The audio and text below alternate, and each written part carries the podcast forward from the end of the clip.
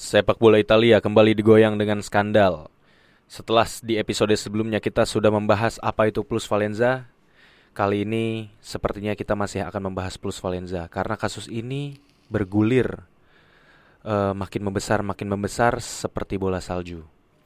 Juventus, klub yang memang punya prestasi mentereng di Serie A, kembali menjadi poros utama dalam skandal yang terjadi di sepak bola Italia.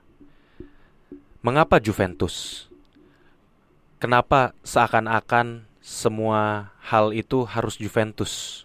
Dan kenapa Juventus yang merasakan hukuman paling berat? Selamat datang di Optis. Spesial plus Valenza.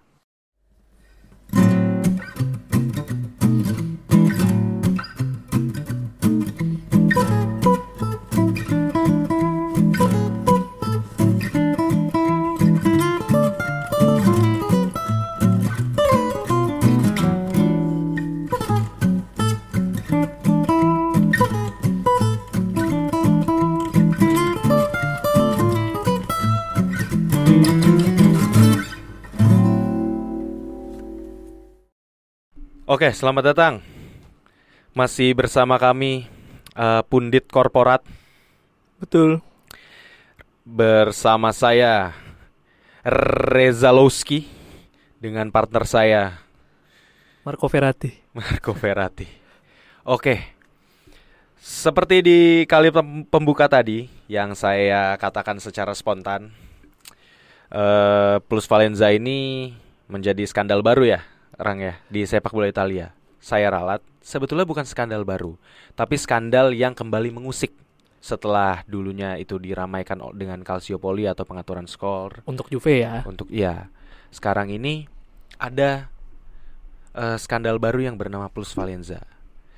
Di episode sebelumnya kita sudah menjelaskan apa itu Plus Valenza. Nah, kali ini kita akan membahas dari banyak uh, faktor banyak faktor lain Salah satunya adalah kenapa Juventus? Kenapa Juventus yang menjadi uh, antagonis utama gitu, Rang, dalam skandal ini? Hmm, uh, gue tahu lu udah punya jawabannya. Nah, gue persilahkan dulu nih. Gimana opini lu? Enggak, gue gue pada saat ini gue berbicara gue tidak mau mengeluarkan opini. Oke. Okay. Saya hanya ingin menyampaikan berdasarkan data-data yang ada. Jadi Betul. saya nggak mau jadi apa namanya fans kacamata kuda ya atau fans atau die hard fans yang nggak punya ini loh apa namanya nggak punya moral gitu. Betul. Dan saya, sebelumnya saya pribadi tentu uh, kalau dibilang benci Juventus sih tidak ya. Kalau tapi saya, iya. saya saya terusik saja gitu dengan dominasi Juventus saya, di iya, Italia saya sudah jadi runner up berkali-kali. mohon iya. maaf nih Napoli jadi runner up bertahun-tahun. Uh, jadi kebencian udah mulai muncul yang tadinya tidak ada ya kan? Iya, karena AC Milan tapi, ya, ada tapi, di banter era iya. jadi saya tidak punya dendam yang iya. gimana-gimana nih. Tapi di luar maksudnya kebenciannya ini maksudnya gue berbicara berdasarkan data aja gitu. Jadi ya, berdasarkan jadi kenapa Rang? Iya, Balik berdasarkan lagi data dari penyelidikan terakhir kan.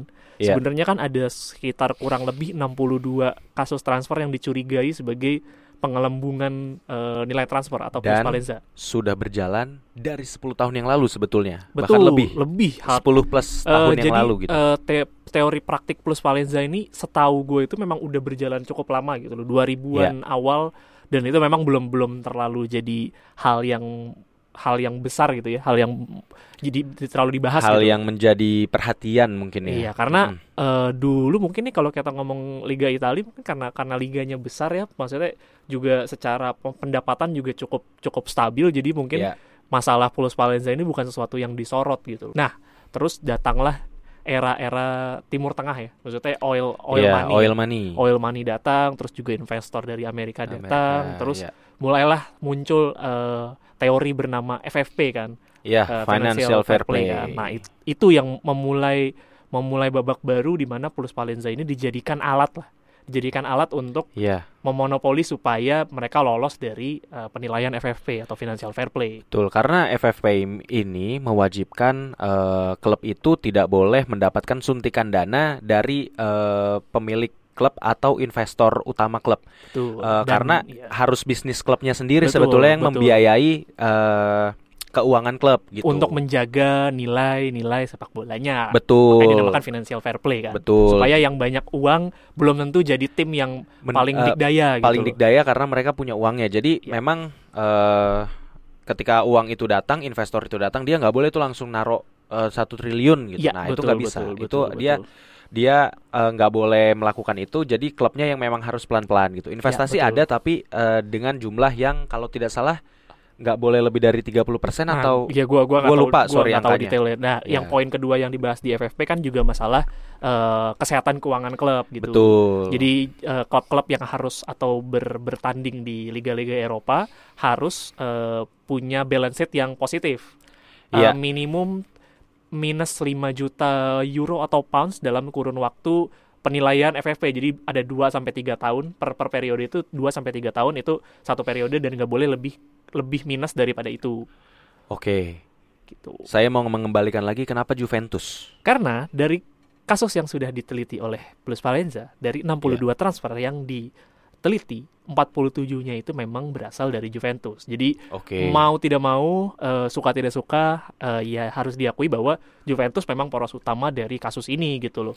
Ya, ya dan, ya memang hampir dan, berapa berapa persen dari total transfer kan berarti betul, kan di situ. Dan gak boleh dilupakan memang Juventus adalah klub besar di Italia dan klub tersukses. Jadi wajar aja kalau uh, semua mata ya semua mata ke situ dulu gitu loh betul betul betul ya, ya bukan berarti di, yang lain tidak ada iya, salahnya ya eleven in the room ya. lah ya eleven in the room ya, betul ya. maksudnya ya dia dia yang paling besar dia yang paling kelihatan gitu loh betul terus juga ya yang paling diplototin lah pasti sama semua semua pihak gitu oke okay. tapi itu kan asumsi gitu apa yang membuat Juventus ini tuh jadi uh, sorotan itu maksud gue apakah dia perusahaan yang TBK atau nah, gimana gitu? Iya, emang agak berbeda dari company-company yang lain setahu okay. gue ya karena uh, dari semua tim yang terlibat di Plus Valenza, setahu gue memang cuma hanya Juve yang punya yang merilis company-nya secara uh, publik atau iya, TBK IPO ya. lah ya. IPO, bisa TBK, bilang TBK ya, ya terregister di OJK-nya Itali lah ya. Iya, di di di OJK-nya Itali yang di mana memang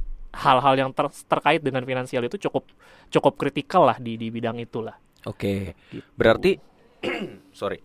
Berarti kenapa Juventus juga yang dilirik karena memang uh, udah bukan uang investor atau uang pribadi dari pemilik klub doang yang ada di betul, sana ya. Betul, Dia itu betul. udah ada uh, uh, uang publik. Mungkin iya. gue bantu menganalogikan kita bayangin berarti kalau PT apa ya PT TBK di Indonesia gitu misalnya ya sebut saja PTT gitu. Hmm. Nah PTT ini misalnya uh, mengaku-ngaku bahwa dia memiliki keuntungan hmm, untuk betul. membohongi uh, pasar gitu ya. betul. ya. Nah itu kan sesuatu yang salah dan jadinya uh, sebuah tindakan yang perlu ditelusuri lebih jauh karena itu uh, udah melanggar hukum gitu betul, ya. Betul, Jadi mungkin kurang lebih kayak gitu ya. Dan memang agak kompleks kalau ngomongin kasusnya Juve itu dia dia melanggar kaidah-kaidahnya itu agak cukup agak cukup kompleks lah bukan cuma di sepak bola aja yeah. tapi di ranah hukum finansial juga iya terus juga di ranah hak perlindungan konsumen juga iya jadi agak-agak cukup banyak gitu yang yang yang di yang diterabas lah sama Juventus. Oke. Contohnya apa, Rang? Contohnya uh, mungkin biar uh, teman-teman pendengar kita juga hmm. lebih mengerti tentang Plus Valenza ini, coba kasih contoh deh. Uh, bu, ya contoh kasusnya Juventus gitu yang yang memang oh ini nih plus Valenza tuh kayak gini. Iya gitu. ya, yang paling yang paling kerasa kan sebenarnya kalau lu ngomongin transfer terakhir lah ya, transfernya bukan terakhir sih ya, yang pada saat Covid itu ya Arthur Arthur sama Pianik, Pianik lah kan, ya. di mana sebenarnya kan itu dua transfer yang terpisah ya, dua transfer yang berbeda. Betul. Yang satu uh, setahu gue Arthur itu dibayar dibeli sama Juve, total transfernya 72, 72 juta euro. juta euro, betul. Terus juga Pjanic dibeli oleh uh, Barcelona 60 juta 60 euro. juta euro. Kan harusnya itu adalah dua transfer yang berbeda, akadnya beda lah gitu. Ya, betul. Paperworknya juga beda, betul, tapi betul. ternyata kenyataannya di bawah tangan uh, uang yang hanya dibayarkan oleh Juventus sebesar 12 juta euro saja lah gitu. Intinya pertukarannya seperti itu. Iya. itu itu itu pertama masalah masalah yang yang masalah detail utamanya begitu. Nah tapi ya sebenarnya nggak apa-apa dong. juga, lah apa -apa maksudnya juga. kan gue beli harganya pianik 60 Arthur Melo 72 ya berarti benar dong gue tinggal bayar 12 juta betul, aja sebenarnya. betul betul. Salahnya di mana? Coba Sal lu bisa jelaskan salahnya bukan salahnya sih sebenarnya nggak ada salahnya kalau ngomongin salah. Tapi yang jadi yang jadi pertanyaan adalah kita sama-sama tahu Arthur di Juventus main berapa banyak. Jadi okay. dari nilai investasi yang totalnya tadi diang oke lah kita anggap benar-benar pure 72. Iya. Berapa banyak pertandingan yang dia yang dia jalanin. Begitu pula dengan uh, Miralem Pjanic kan yang Ya. cuma main semusim habis itu ke Besiktas dia atau gue pokoknya akhirnya nggak jelas. Jadi itu yang dijadikan tanda tanya sebenarnya. Duit sebesar itu itu kan berarti mau nggak mau jadi mendongkrak pendapatannya masing-masing klub kan. Betul, betul. Jadi jadi Dan, secara ya, secara cash balance cash flow-nya tinggi lah, besar lah. betul, betul. cash flow yang dihasilkan oleh klub itu besar, tapi di sisi lain pengeluarannya nggak nggak jelas hasilnya gitu loh. Ngerti, jadi ngerti. jadi itu itu salah satu yang disorot. Tapi memang kalau ngomongin eh tadi gua agak lupa sih masalah masalah apa namanya pemotongan biaya transfernya itu jadi dipecah-pecah jadi berapa berapa tahun gitu. Gua gua agak agak-agak selip sih. Gue bisa gue bisa Hmm. jelasin nih, gue mungkin menguatkan statementnya si Rangga nih. Jadi kalau yang kasusnya Pjanic dengan Arthur Melo tadi, eh, karena itu sebenarnya akadnya berbeda eh, dan pada prakteknya Juventus hanya membayar 12 juta euro kepada Barcelona. Nah di situ sebenarnya jadi titik salahnya dalam pembukuannya, karena sebetulnya eh, oke secara cash flow-nya itu tinggi besar gitu, tapi sebenarnya secara uang realnya itu tuh eh, nggak nggak sebesar itu Nggak gitu sebesar yang itu, dikeluarkan. cuma Jadi maksudnya kedua klub itu tuh nggak ngeluarin eh Barcelona bayar 60 juta, abis itu Juventus bayar 72 juta. Karena kalau kasusnya kayak gitu sah-sah aja sebenarnya karena emang duitnya ada gitu. Hmm, Nah, ini jadi kayak di atas kertas doang nih. iya. Seperti itu. Nyatanya uang yang masuk Kenyataannya cuma- uang masuk keluar cuma 12, yang juta. keluar dari Juventus cuma 12 juta, Barcelona cuma nerima 12 juta. Tapi eh, seakan-akan Barcelona dibuat menerima 72 juta, Juventus dibuat menerima 60 juta. Karena tadi ini dua akad yang berbeda nih. Iya, betul. Gitu. Nah, itu loh salahnya. Kalau dari eh, tata cara pembukuan ya gue nggak mau ngomongin terlalu teknis tapi ya teman-teman bisa coba Iya, dan eh, bisa pahami sendiri lah gitu. juga lah Bisa secara, searching, secara detail lah. secara ya mungkin eh, akuntansi dasar Hmm. kayak journalingnya jadi ada angka yang gede-gede tuh di dalam sana Iya, gitu betul, ya betul, betul, betul. di neracanya. Nah terus yang kedua tadi tentang eh, pecahan-pecahan dari nilai transfer. Nah teman-teman jadi plus Valenza ini tuh eh, pada dasarnya secara harfiah tuh artinya tuh eh, penambahan nilai gitu ya, penambahan nilai. Gimana? dalam konteks ter- eh, bisnisnya sepak bola ini berarti penambahan nilai modal. Nah, contoh ada kasus seperti ini nih. Eh, Juventus itu beli eh, tadi Reza Lowski seharga 100 juta selama lima tahun kontraknya ya. Jadi Reza Lowski dikontrak eh, lima tahun oleh Juventus harganya 100 juta. Nah, sebenarnya kan kita nggak kayak kita main FM gitu loh yang uangnya bisa langsung cash aja gitu. Sebenarnya kan pada prakteknya tuh kita bisa nyicil nih pelan-pelan. di FM juga bisa nyicil sih. Iya, tapi gua sih kalau main FM langsung beli-beli aja tuh. Iya. Jadi makanya agak bodoh. Bi maksudnya biar klub yang gua tawar mau juga. Ya udah, gua balik lagi. Jadi gue bayar 20 juta dulu. Ini ini katakanlah 100 juta dibagi 5 jadi 20 ya tiap tahun. Oke, 20 juta tiap tahun. 20 juta tiap tahun. Nah, habis itu di tahun ketiga Reza Lowski oleh Juventus dijual ke eh, klub lain seharga 60 juta. Nah, di situ sebetulnya Juventus kan cuma ngeluarin duit baru 4 40 juta, Tiga tapi dia musim 60. Iya, sorry dia du- baru dua musim dua main. musim. Iya musim Hmm. ketiga baru mau masuk Oh, musim baru. ketiga Hmm. dia dijual 60 juta. Hmm. Nah jadi di situ sebenarnya ada keuntungan Juventus eh, sebanyak 60 Iya. gitu. Karena dia sebenarnya belum bayar gitu loh. Jadi Iya. sorry keun- keuntungannya 20 karena dia baru keluar duit aslinya itu 40. Tapi dia udah dapat duit 60. Hmm. Jadi ada keuntungan 20. Nah di situ Mainan balance sheet. mainan balance sheet-nya. Nah, tapi ada lagi yang jadi masalah, teman-teman. Eh plus Valenza ini tuh biasanya juga jadi dibuat eh angkanya ini tuh suka-suka aja dibikinnya. Kenapa gue bilang suka-suka aja? Karena bayangin kalau ada pemain muda nih, misalnya si eh tadi lu ngaku jadi siapa? Oh, eh, Marco Marco Verratti. Nah, Marco Verratti itu kan di Pescara itu klub apa? Sorry, pemain akademi.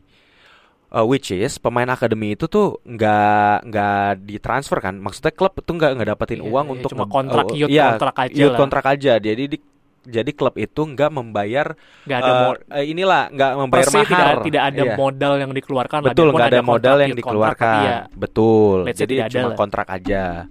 Nah yang jadi masalah eh, permainan plus Valenza ini itu eh, si harganya si Marco Verratti tadi bisa aja dibikin jadi 100 juta harganya. Padahal kita nggak tahu gitu angka sebenarnya nih uh, yang layak buat dia tuh berapa dan juga sebenarnya ketika dijual berapa sih yang dibayarkan oleh klub yang membayar si Marco Verratti tadi. Nah, bisa jadi klub yang membayar itu kan cuma 10 juta, tapi yeah. ditulis harganya 100 juta. Nah, itu iya. sah-sah yeah. aja kan jadinya iya. sebenarnya. Yeah. Yeah. Nah, yeah. itu celahnya di sana. Tapi uh, sebenarnya uang yang masuk itu nggak sebesar itu. Tapi di balance sheetnya penerimaannya tuh sebesar itu yeah. gitu.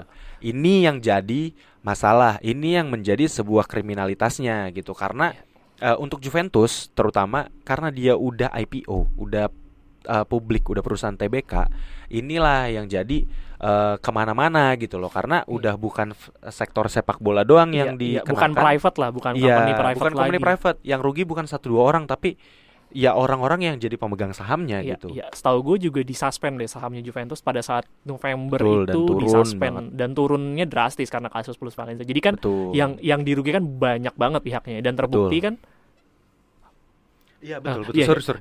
Iya, ya, dan, dan terbukti kan memang kalau dilihat dari dari board yang keluar sebelas sebelasnya kena tuntutan dan sebelas sebelasnya kena hukuman untuk tidak boleh terlibat di sepak bola lagi kan.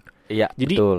Jadi tanpa harus uh, Juventus mengakui gitu loh maksudnya board mereka yang baru kayak board mereka yang lama mereka nggak mengakui bahwa mereka salah tapi kan kenyataan hukumnya terakhir pada saat diketok palu pengurangan 15 poin itu mereka di sudah sudah dibuktikan bersalah gitu loh. Betul. Jadi ya ya kalau dibilang bersalah atau tidak bersalah ya kalau berdasarkan hukum ya bersalah tapi hmm. apakah menurut menurut gua ya jangan menurut gua deh apakah itu adalah menjadi hukum yang adil gitu loh. Hmm. Menurut gua sih agak agak nggak fair lah ya kita kalau ngomongin kalau ngomongin Juventus dikurangin 15 poin terus tim-tim lain yang terlibat tidak kena hukuman sama sekali. Ini yeah. ngomongnya tidak kena hukuman sama sekali ya. Ya, yeah, oke, okay. gue bridging dulu nih. Berarti tadi kita udah ngebahas konteks kenapa Juventus yang jadi uh, poros utama, yeah. kenapa Juventus paling ya, paling besar lah. Nah, itu kan tadi kita bahas dari konteks non sepak bola. Hmm. Nah, ini konteks sepak bolanya pun kena. Ya. Juventus yeah. yang kemarin udah 8 pertandingan berturut-turut menang sebelum dibantai 5-1 Iya nanti dulu dong. Hmm, iya enggak kan itu oh, gue iya. kasih tahu. Nah terus dia udah bertengger di posisi tiga. Tiga Abis betul. itu udah capek-capek naik lah.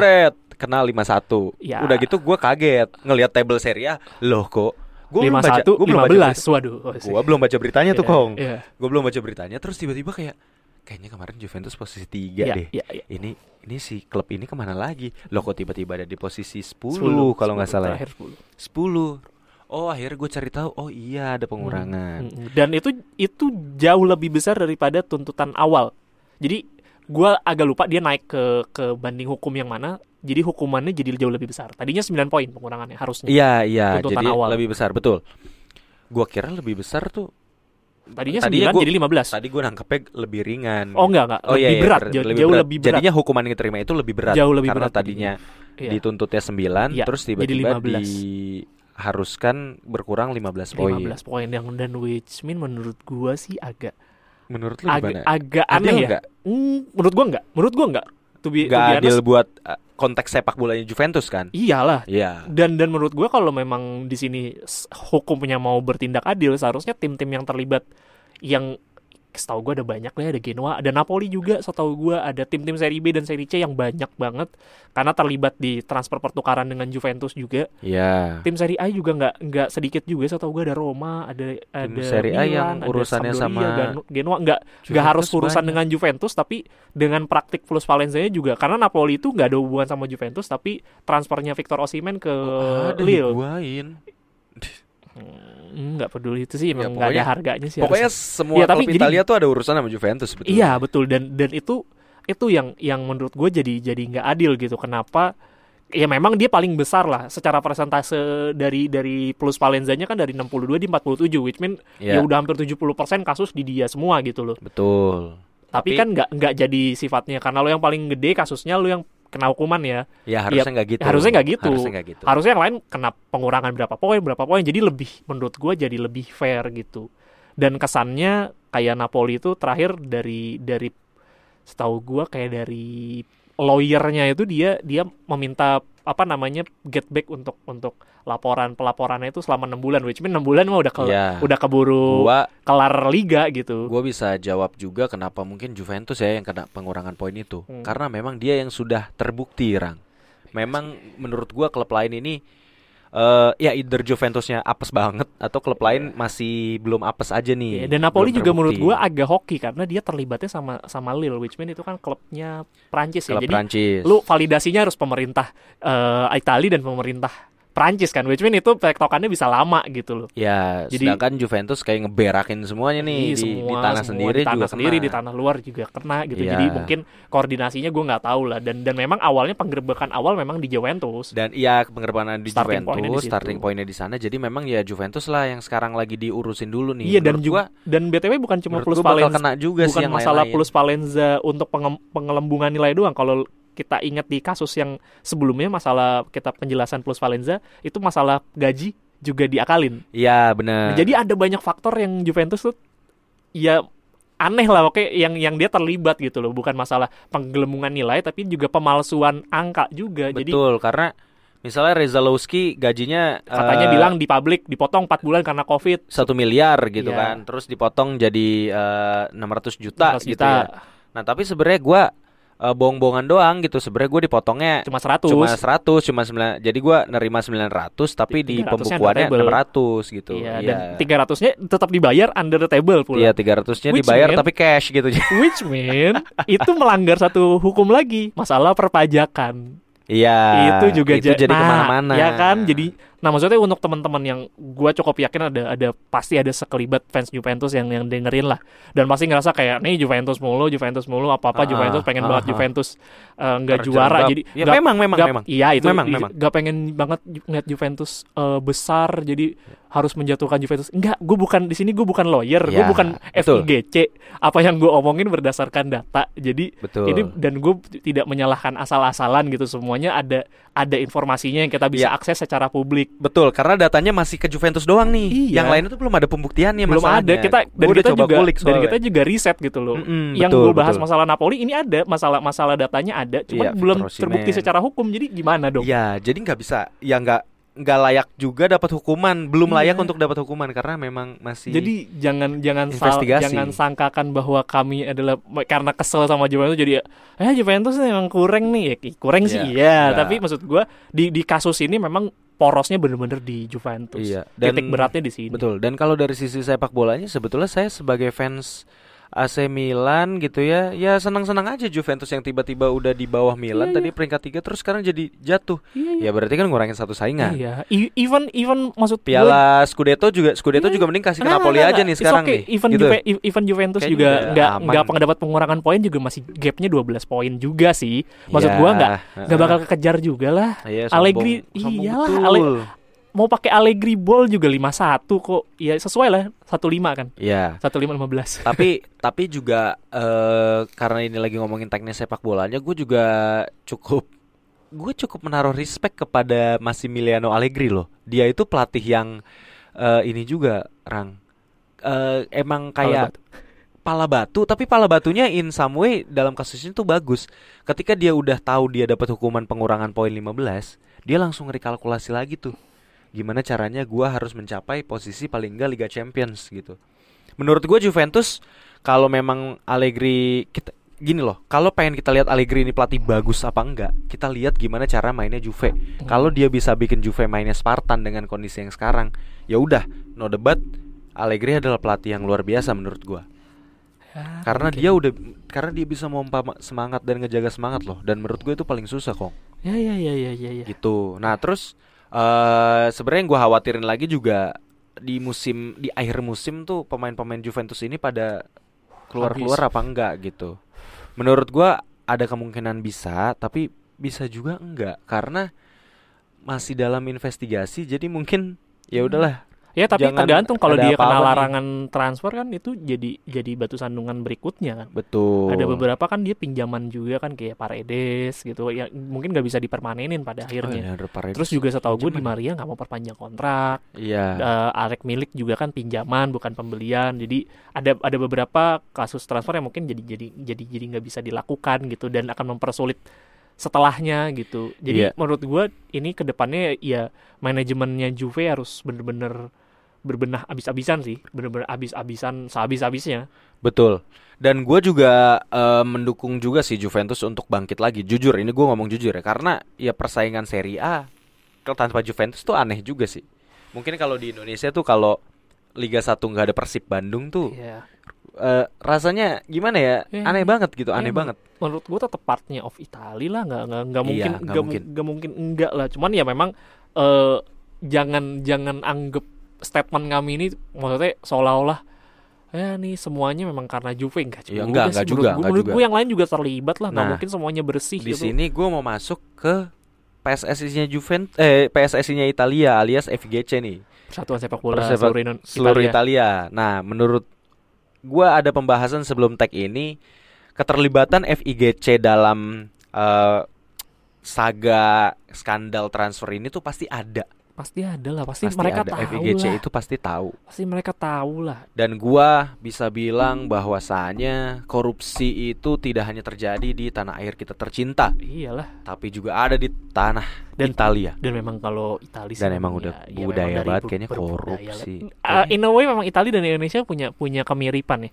Iya, Punya, some way in, in common, punya kemiripan. punya kemiripan. ya. eh budaya korup, budaya kurva sud, kurva north. Iya, nah, itu terus ada. juga mereka secara ya familianya juga maksudnya eh, guyupnya juga gue ya, Jo- iya, iya, iya, memang- guyupnya, memang- iya, iya, memang iya, cukup- benar, iya, benar, memang benar, mirip kemi- secara kemiripan memang banyak dan Iya. di sisi ini juga masalah korupsi tidak tidak luput Iya, lah dan, gitu. dan gak heran mungkin kalau untuk budaya-budaya itu diambil karena sepak bola Italia adalah sepak uh, di, di tahun 80-an akhir sampai 90-an awal kan Italia adalah liga terbaik di dunia gitu. Ya, iya betul, mesti diakui lah Harus ya. diakui Banyak pemain-pemain besar juga kan akhirnya ke Betul. Italia. Nah, eh setahu gue juga kan kalau nggak salah di episode yang masalah plus Valencia kita udah udah sempat bahas bahwa ada ada rekaman yang bocor bahwasannya di situ juga ada ada petinggi FIGC yang ada mem- membuat pertemuan di mana di situ ada klub-klub yang salah satunya Juve yang menginisiasi untuk Iya. masalah ini kita plus Valencia kita keep in secret aja lah ya. Yang penting demi kemajuan liga kita Ah, aman iya, gitu. aman, nah, katanya di situ ada petingginya FIGC. Ya jadi menurut gua ini karena udah kepalang tanggung, oke kita cari kambing hitam siapalah yang Iya. yang harus dikenain, tapi jangan sampai secara liga kita damage juga gitu. Karena Betul. menurut menurut gua gua akhirnya jadi setuju sama bacotannya Kasano di Apa tuh? ada ada masalah Hasan dan bacotannya apa lagi? Kasano nih? Kasano lagi. Jadi eh, masalah kasus Plus Valenza Kasano juga sama keselnya sama kita bencinya dengan Juve itu sama lah. Iya. Kalau gue sih benci lah. Maksudnya bencinya gue dan Kasano kepada Juve itu sama. Tapi di sisi ini dia sangat mendukung untuk bukan cuma Juve aja yang dihukum. Harusnya semua tim yang terlibat kena hukuman yang sama.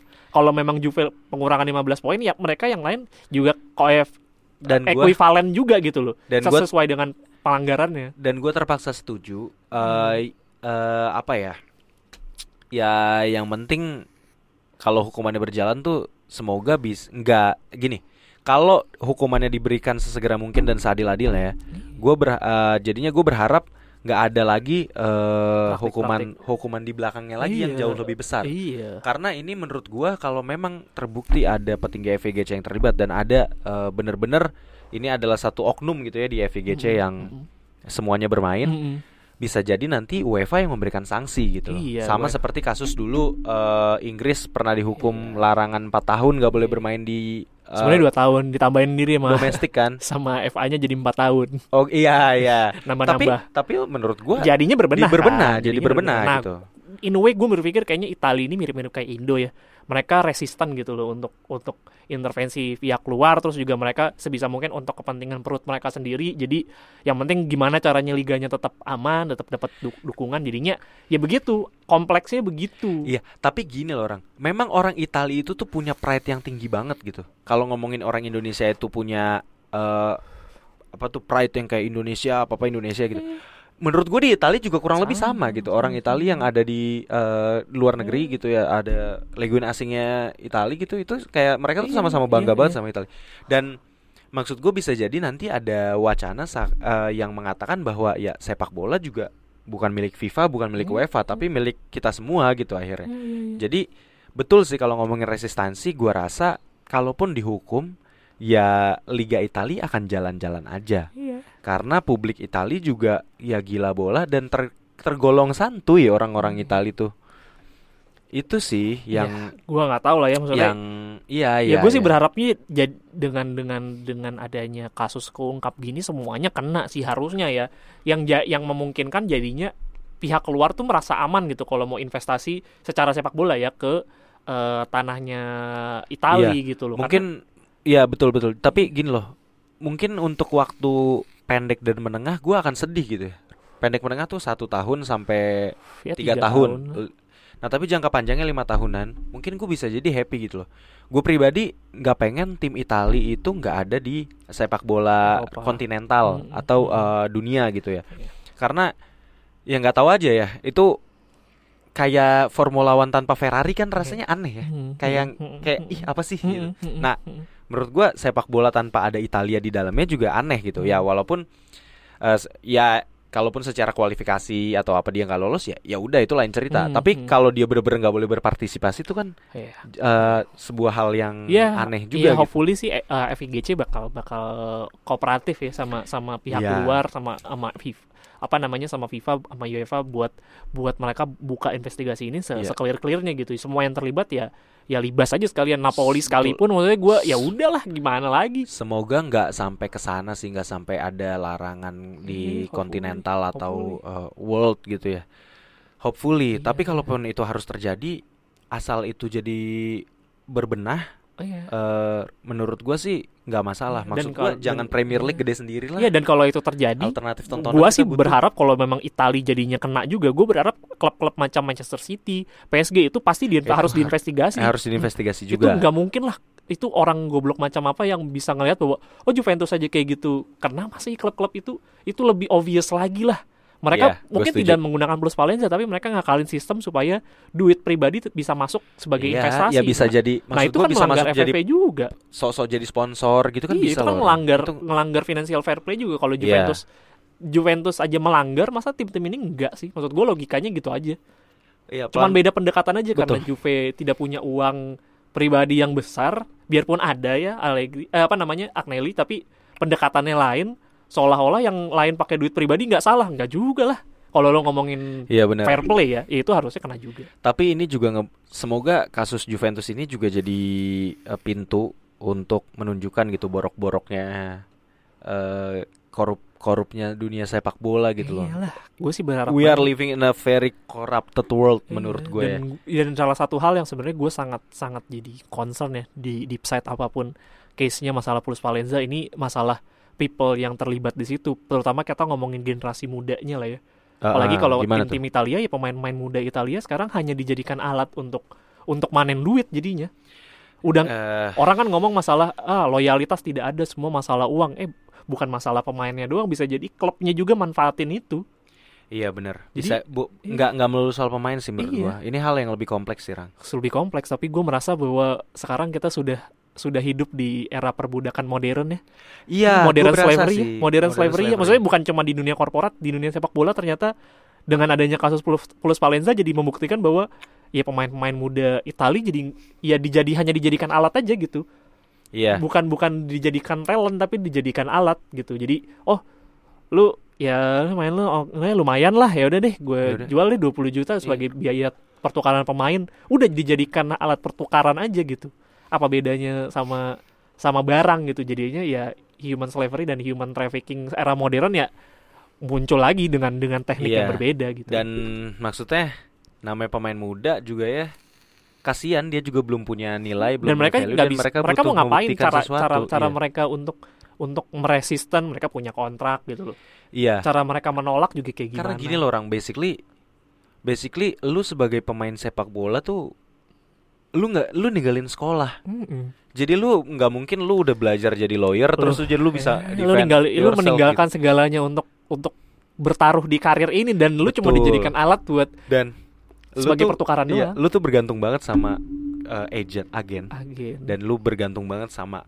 uh, klub gitu ya yang hmm. emang bisa nampung lu dan hmm. memberikan hmm. lu fasilitas hmm. untuk lu jadi besar dan sebenarnya harusnya hmm. ini sama-sama menguntungkan gitu ya. Iya, Pemain bermain iya. dengan baik, memakai seragam kebesaran klub. Iya. Jadinya mendatangkan sponsor dan segala macam secara bisnis, tapi pemainnya juga nggak dibuat uh, semena-mena gitu.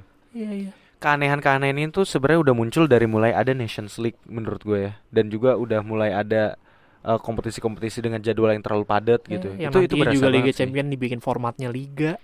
sudah iya bukan itu udah cup, bukan cup iya, sudah bukan eh, bracket cup lagi bracket jadi cup, beberapa betul. posisi wilayah gitu lah nah itu menurut gue udah mulai udah Iya, mulai sudah. melenceng banget Iya, sih kayak manusia hanya dijadikan AI jadinya jadi ke arah yang fundamental lagi kan manusianya sendiri manusia udah dijadikan alat iya gitu manusianya udah gak, udah nggak jadi manusia lagi Iya. gitu gila sih jadi, jadi kompleks kan masalahnya iya kan, masalahnya jadi kompleks. ini kan. Memang, bener bener memang justru yang malah yang ngebuka gua- borok sih Ran iya. menurut gue tapi bagus. yang yang jadi yang some gua highlight memang di di awal bukan masalah Plus Valenzanya tapi ini manusianya sebagai sebagai bisnisnya itu sendiri ya udah sudah mulai tidak dipandang sebagai manusia buat gua ya. Iya. Manajemen ngeliat oh ini 20 juta euro oh ini 15 juta euro maksudnya kepala kepala mereka udah di udah ada labelnya udah sama kayak lu datang ke Walmart tuh udah. Iya jadi that's it. kayak ada price tag gitu. Iya. Which is harusnya nggak gitu dong cara lu ngukur seorang manusia gitu ya. Yes. Memang harga itu ada tapi perbandingannya apa? Gue Iya. mulai nggak ngerti sama lu beli Paul Pogba harga sekian lu beli Gareth 100 Bale harga juta. sekian sampai ratusan juta gitu. Ya tapi sebenarnya apa gitu yang Eh. yang di, dikasih Iya. gitu menurut gua harus di u- udah harus sepak bolanya mesti harus kalau Messi sih. Ronaldo gue masih ngerti karena mereka Hmm. akan mendatangkan eh, engagement sponsor yang mungkin bisa menutupi bahkan melebihi harga Iya. belinya mereka gitu iya, cuman kan nggak cuman Iya, maksud gue nggak iya, nggak iya. nggak semua pemain Ya, gitu menurut gua yang- sih ya udah harus direform ya secara sepak bola struktur sepak bolanya udah ini udah terlalu kacau sih menurut gua udah harus diubah sih dengan mulainya oil money datang tuh semua struktur sepak bola yang kita tahu tuh udah udah nggak masuk akal Iya, semua udah udah, jadi masuk semua akal nggak sih. jadi masuk akal Ya gue gua sebagai pecinta bola yang emang bener-bener suka main bola juga gitu ya. Gue sedih banget sih sama kasus ini. Maksudnya ya cita-cita anak-anak muda untuk jadi pemain pro tuh jadi banyak sandungannya yang mereka diganggu sama hal non teknis sebenarnya. Iya, iya, iya. Ya gue pengen harusnya sepak bola olahraga yang kita cintai. Ya ini naif sih memang. Ya gue pengennya tuh kalau bisa ya lu pakai hati. Aduh sorry mic-nya jatuh. Pakai hati lah gitu Iya. untuk lu berbisnisnya. Cuman ya we are, we are living in a very corrupted world. betul sekali ya bagaimana ya. Ya makanya saya bener-bener nggak setuju dengan ka- kalimat-kalimat ya korupsi boleh dikit aja. Hmm. Harusnya kalau emang lu mau eh ngomongin korupsi dikit aja, jangan korupsinya dikit aja, tapi ya lu korup boleh, ngambil cuan boleh, tapi jangan lupain lu harus ngedeliver quality Iya, juga. quality-nya lu mesti deliver. Jadi sebenarnya yang gua katakan adalah ya bukan korupsi jatuhnya Iya, kan. ambil Ya boleh, untung, ambil untung aja. ambil untung bukan Iya, korupsi, silakan, jadi silakan. ambil margin. Ya nggak nggak usah bersih bersih nggak apa-apa.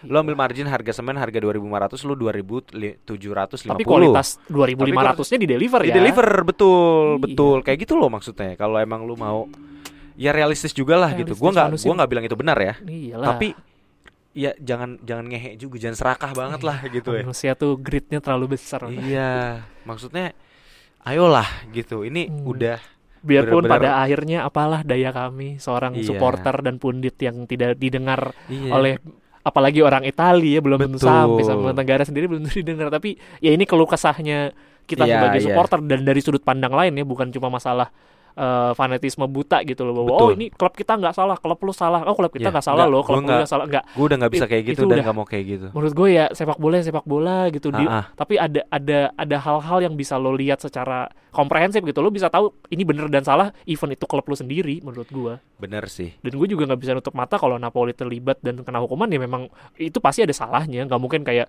oh ini mah di, di, di ini aja dijegal semesta aja supaya nggak juara Scudetto ah tai lah Iya. Kalau emang salah ya nggak salah gitu. lah, Kalau udah gitu salah aja. salah. even Betul. Juventus ya fans-fans Juventus menurut gue harusnya berpikirnya juga begitu sih Iya. karena, Karena- gue lihat banyak juga yang nggak begitu dan ada fans-fans lain yang karena namanya nggak dicatut mereka Iya. bilang oh klub kita bersih kok emang klub klub lu gitu kok ya maksud gue norak lah lu kalau lu udah sama-sama satu liga ya lu juga sama korupnya udah lihat aja ntar gitu pasti juga akan terbuka sendiri kok Klub yang bersih itu ya klub yang dijalankan oleh satu orang doang dan gak ada pemain lain. Iya. Nah, itu baru bersih. Bersih itu, bener-bener bersih-bersih Bener-bener doang. Bersih-bersih doang. bener-bener Iya, kerjanya bersih-bersih doang gitu Betul. gitu Jadi- sudah saya sudah kelar keluh kesah Iya. saya Sekian. Kalau gitu, jadilah manusia yang tidak greedy, Iya. tetap berikan eh, yang terbaik gitu ya. Dan jangan fanatisme buta juga jangan fanatisme buta gitu. Jadi kalau kita salah bilang salah, kalau benar bilang benar. betul simple sekali hidup Iya. Sekian. terima kasih